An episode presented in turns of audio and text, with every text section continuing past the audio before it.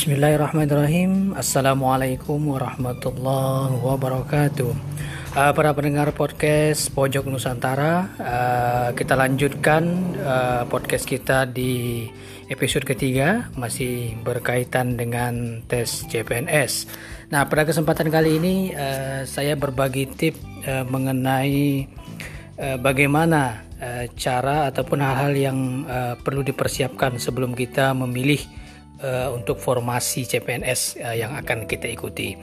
Uh, satu hal yang ingin saya uh, ingatkan bahwasanya uh, ketika kita lulus menjadi seorang uh, CPNS uh, salah satu konsekuensinya adalah kita akan mengabdi di mana uh, instansi uh, yang kita uh, lamar ataupun yang uh, ditempatkan kita. Eh, intinya uh, kalau kita memilih domisili kita di Riau misalnya, ketika kita memilih di Papua maka otomatis kita juga akan pindah domisili ke Papua.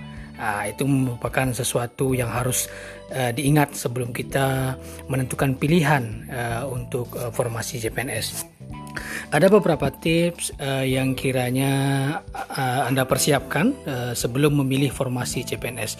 Yang pertama tentunya kita memilih formasi CPNS yang sesuai dengan uh, kualifikasi pendidikan kita. Jadi kalau seandainya kita uh, berlatar belakang dari Fakultas Keguruan, tentu kita mengambil formasi guru.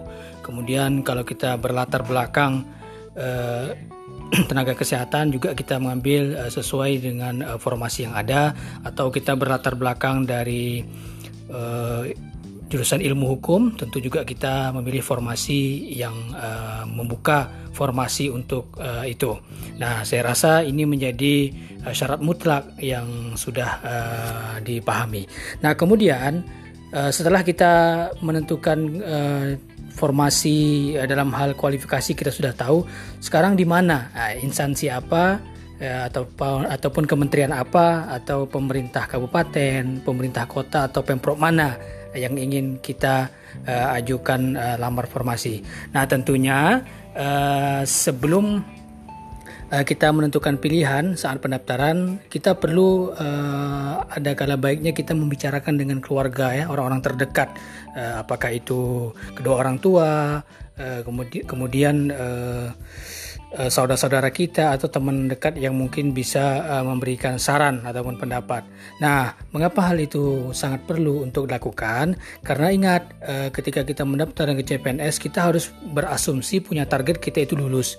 Nah, ketika asumsi kita lulus, maka secara otomatis tempat kita melamar ataupun mendaftar CPNS adalah tempat yang nantinya akan kita menjalankan kehidupan, tempat kita mengemban tugas kita sampai waktu yang kita tidak tahu ya bagaimana proses ke depannya. Nah, oleh sebab itu saya sarankan untuk terlebih dahulu untuk berkonsultasi, berdiskusi uh, dengan orang-orang terdekat, terutama keluarga.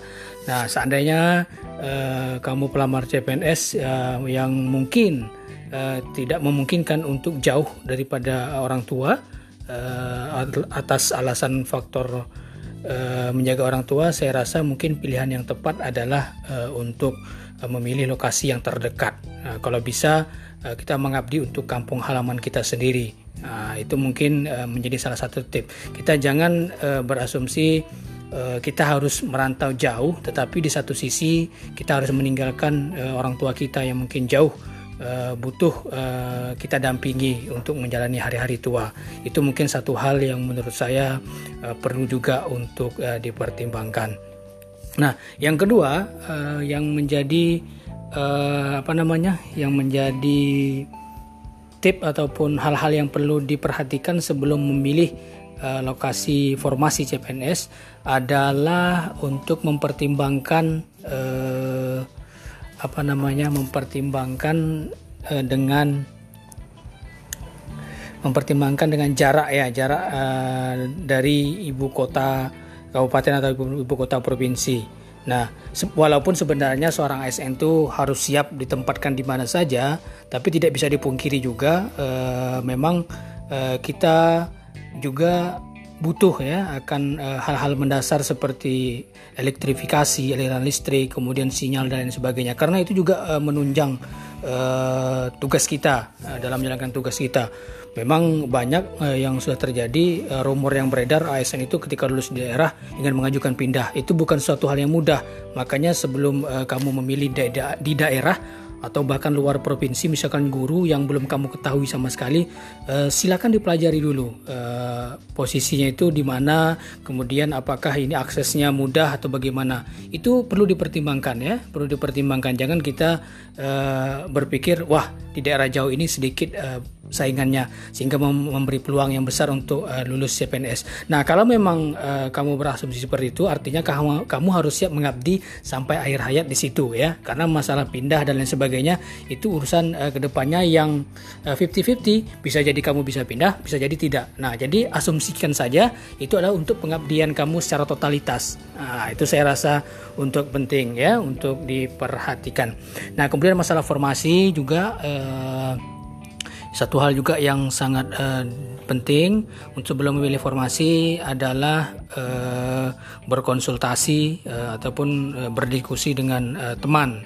Artinya apa? Misalkan kita uh, ada teman dekat kita ataupun teman yang kita kenal uh, sepakat mau mengambil di, di formasi di luar provinsi uh, yang sama. Nah, tujuannya apa? Itu untuk mempermudah ketika kita ingin mengikuti tes uh, seleksinya mulai dari pemberkasan uh, pertama kemudian seleksi uh, dan sampailah tahap-tahap selanjutnya. Itu penting karena selain itu nanti uh, menjadi teman kita dalam berjuang juga itu setidaknya menjadi semangat kita. Kita tidak sendirian. Minimal kita uh, untuk menuju ke lokasi tes itu atau persiapan tes itu sudah maksimal.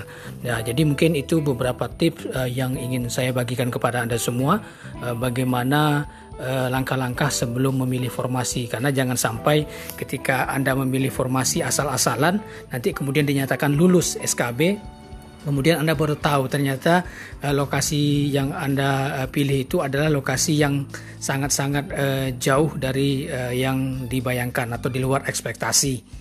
Nah, artinya itu menjadi kerugian. Sementara untuk mendaftar dan lulus SKB itu sampai lagi SKD itu bukan sesuatu yang mudah. Oleh sebab itu, silakan uh, lakukan langkah-langkah ini sebelum memilih uh, formasi. Usahakan untuk berdiskusi dengan keluarga. Semoga pilihan kamu dipermudah. Demikian, assalamualaikum warahmatullahi wabarakatuh.